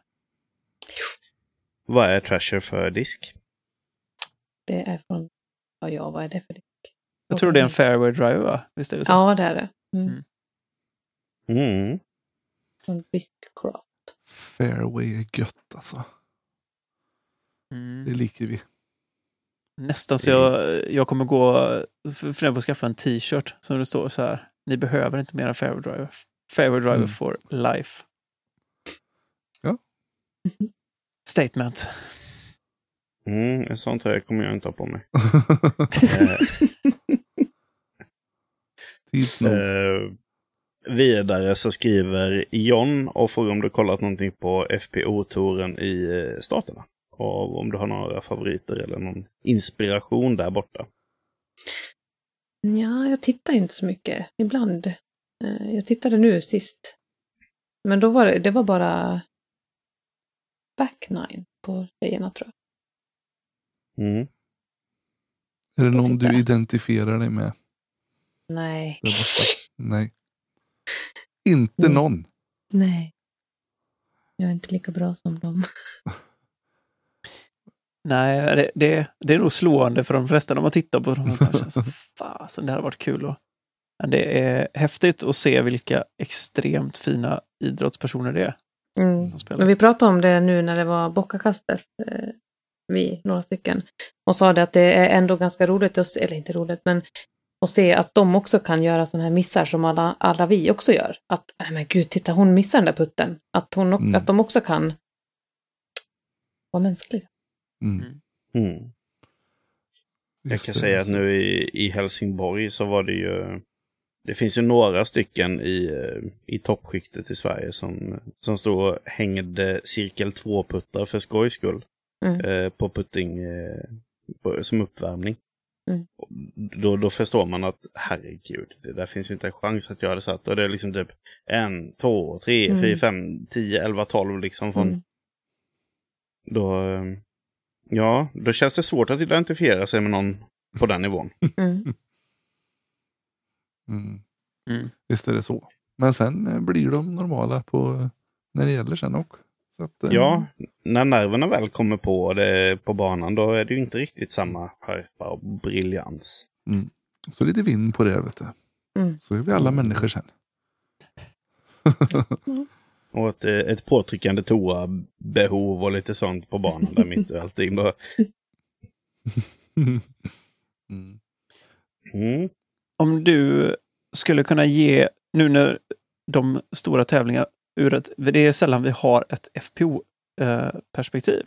Är det någonting Mm. du skulle kunna ge? För vi, de fick ju väldigt bra ehm, feedback nu på damlayout. Är det någonting du ser som en självklarhet ur en damspelares synpunkt? Jag tänker från det typ lag-SM och sånt nu, för då vet jag det var lite det som, eh, jag vet inte vem utav det var som nämnde toabesök, för det var ju en sån sak som var Mm. Liksom det fanns typ två toaletter på hela Mm. området kändes det som.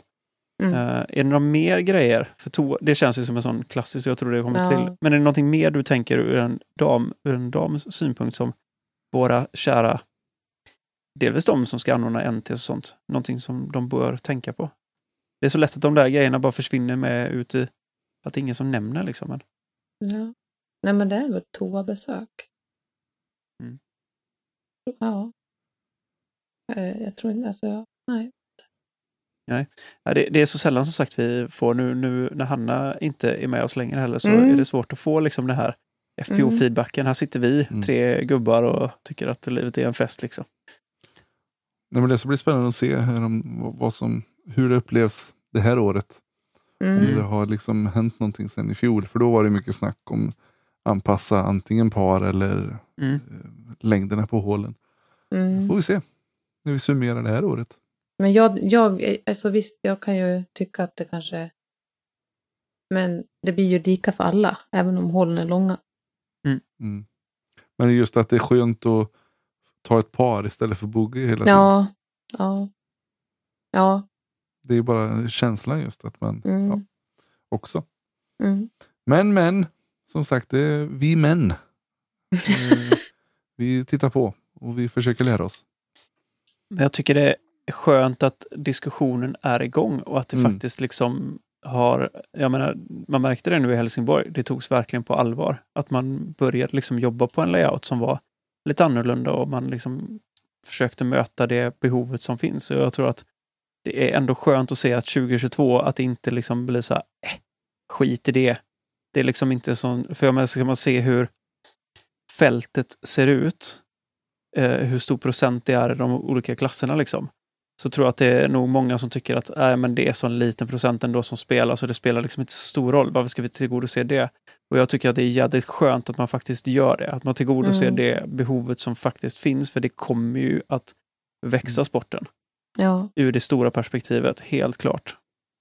Oh yes. Så det tycker jag är jädrigt, jädrigt kul att det händer saker. ja. Du, jag kom på en grej som vi... Jag tror att vi är färdiga nu med, med, med frågorna. Visst? Jag ville bara lyfta en grej. Eh, Det var ju Challenge at Goat Hill i helgen. Ja, jädrar. Och då måste jag ge en shout-out till min teamkompis Luke Samson som tog en andra plats. Och apropå det här med att prestera när det gäller allt det här. Han var ju ett kast ifrån. Nu visar jag med två fingrar. men Han var ett kast ifrån. Eh, och han hade ju möjligheten att knappa in, knappa, eller ja, som vanligt om man hade satt fler puttar. Och det var ju inte långa puttar heller. Men det var några som flög i, i ramverket. Men eh, han är såklart jättenöjd och glad över att ha tagit en andra plats och med det en USDGC-plats. Fint. Ja, superroligt. Så det kan jag rekommendera er om ni vill titta på Luke när han kastar lite. Just Kan det, ni men kolla på Central Coast Discgolf. För det var ju väldigt mycket snack om det, just att DDO var ju inte en tävling som eh, kvalificerade folk för Mm. USDGC. Mm. Och det där har tydligen att göra också lite med, i och med att det är Innova som sköter USDGC, Mm. så bestämmer de också vilka tävlingar som ska vara eh, qualifiers. Just det. Och Go till är ju en, Mm, en Innova. Innova-sponsrad Ja, tävling. Exakt. Så då premierar de den, även om det bara var en A-tier. Mm. För det var en sån grej som jag tyckte var lite skum. Liksom varför, när det ändå är en, en ganska stor DGPT-tävling. Liksom. Oh ja. Men där fick man lite förklaring på det. Bra inflik där, Anders. Alden Harris vann förresten. Och så var det då Luke och eh, Gibson på tredje plats. Drew. Yes. Så att, Nu rör de kul. sig upp till i Kalifornien och ska spela. Santa Cruz. Det var ju faktiskt, vi skrev nästa tävling Santa Cruz, och nu är det ju Mm. denna helgen som de ska spela. Jag ser att Linus med flera flyger tillbaka och även att eh, jag tror det var Max som var och tränade lite på De La Vega. Mm. Jag, jag Ja, såg, Linus sitter ju på flyget i detta nu vi spelar in tror jag. Mm. Jag ska flyga tillbaka idag, tisdag. gött. såg en rätt rolig tweet från Brody där han skrev så här. eh, man vet, eller du har bara spelat De La Vega första gången när du skriker parking lot från Top of the World. Det var liksom en sån grej. Då, när du har känkat sönder dig och lägger ut en disk rätt ut på parkeringsplatsen från. Just det. Men det är läckert det hålet. Ja, det är coolt. Hoppas vi bara att de kan lösa lite, lite vettigt coverage på, på grejerna. Ja. Eh, det kommer de inte kunna. Så att Nej. Det var det där de hade den där, det är där Mm. det inte finns någon mottagning överhuvudtaget. de hade en mobil. Ja, men det är typ radioskugga Grej. hela det jävla berget. Och det var ju Ja. där de pratade om för att, för att få, för det var väl en, ja men det är väl fortfarande Silver Series tror jag nu va? Eh, och för att få typ live coverage där, då behövde de dra dit någon sån stor jävla sändningsbil liksom. Cellular on wheels, eller vad det nu var. Ja. Mm. Mm. Helt sjukt. Men vad fasen var det jag tänkte säga? Nu tappade jag tappade det. Men då vet man bara att, man, att de bor eh, i världens största u-land när de inte ens har eh, mobiltäckning på, i Kalifornien. Då Mm. kan vi lipa över att vi får eh, eh, det här Edge ibland, E, Mm. på telefonen. De har inte ens täckning överhuvudtaget. Liksom. Nu kan vi bara jämföra att vi lyckas livesända en hel runda ifrån eh, skog och kullar i Helsingborg här jämfört På med... en iPhone 13 dessutom. Med mindre liksom lagg än vad Disc Golf Network haft de senaste... Typ. Så lyssnar ni Disc Golf Network, anställ oss. Precis. Vi kan dessutom uttala Reko X. Ian han sa ju Recox. Mm. Det var någon, någon som hade missat att skriva ett mellanrum där tror jag i hans... Eh, Recox. i hans Det är ändå det sjukaste. jag mm. Flera gånger. Mm. Ja, det var roligt. Apropå Reko X, den släpps väl väldigt, väldigt snart. Yeah. Får hivi. Mm. Dela nästa vecka eller? Ska vi ligga på låset. Mm. Och så ska vi skalpa järnet sen. Och lite fräckt eh, blir ju First Runs eh, mintiga, fina i K1. Mm. Spännande. Mm. Det var ju många Men- som, eller vi man nästan utgick från att det skulle bli i K3. K3. Ja. Men, eh, Tycker nästan det är gött. Då blir det en skön kastputte som är lite krallig. det är ju det den är. Den ska ju vara en, en kastputter. Så att det är kanske inte mer än rätt att det blev i, i K1. Ska, ska hädanefter bara benämna den som Recox. Recox. Ja, jag eh, går efter min Recox här. I, Men nu när den släpps, den kommer väl släppas i K3 också? Ja, absolut. Ja, Men det blir jag tänker det. De- jag har klämt på är ju i K3. Mm. Jaha, du har klämt på dem? Ja, ja, ja. Vilka privilegier du har. Det har väl Kontakter, du med, höll jag på att säga. Jo, men det var ju länge sedan jag klämde på den rackaren. Mm. Mm, mm, mm. Ja, det blir Då är man inte så unik ändå. Nej, jag har till och med faktiskt klämt på en... Eh, vad heter den? Grym X-soft. Mm. Det gjorde vi för Det- ett par månader sedan, Viktor, så du är inte så jävla cool ändå. Sitter där Mm, Ja, ja, gött. ja. Nej då. Det är Ja, jag kan inte trumfa disksläpp. Mintdisksläpp är aldrig fel. Och jag behöver sånt nu så jag kan fylla min frid med mer Din mintiga First frid. Round. Mm. Kul! Snyggt. Du, Madde, jag tänkte att du ska få ge eh, våra lyssnare en liten chans till att hitta dig på sociala medier och så vidare. Om det är någon som inte följer dig, var hittar man dig? Instagram mrs.korstig. Eh, Och på Facebook Madeleine Körstig. Gött. Och, Och så ser man dig på banan så får man säga hej. Det får man. Var tur att du pratade över det jag sa. Men jag kände att eh, Madeleine hon kan man ju skoja lite med. Jag sa så. Ja. Och, på, och på Onlyfans. Är du med också? Nej jag skojar bara. Jag bara, va? Nej, det vet jag inte. Jag vet inte ens vad det är för något. Så Det är bra. Det är bra. Ja. Vi, vi lämnar det så. Ja. Vi lämnar det så. Mm.